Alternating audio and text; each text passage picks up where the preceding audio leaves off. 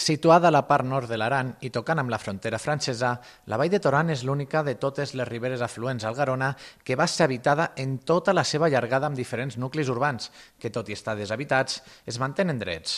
I és que aquesta zona va arribar a tenir un important paper econòmic amb les indústries hidroelèctriques. Ara s'acaba d'editar un tríptic amb les 10 rutes que s'hi poden fer, però el projecte Camins de Canejan és molt més ampli.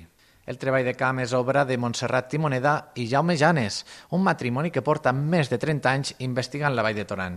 Sentim el Jaume.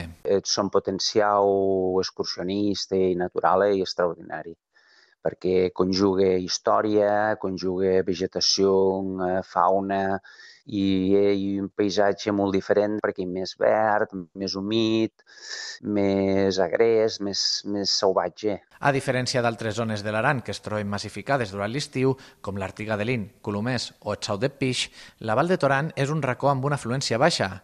S'espera que amb la consolidació de les obres del refugi de l'Oneria i la promoció per part de les administracions deixi de ser tan desconeguda.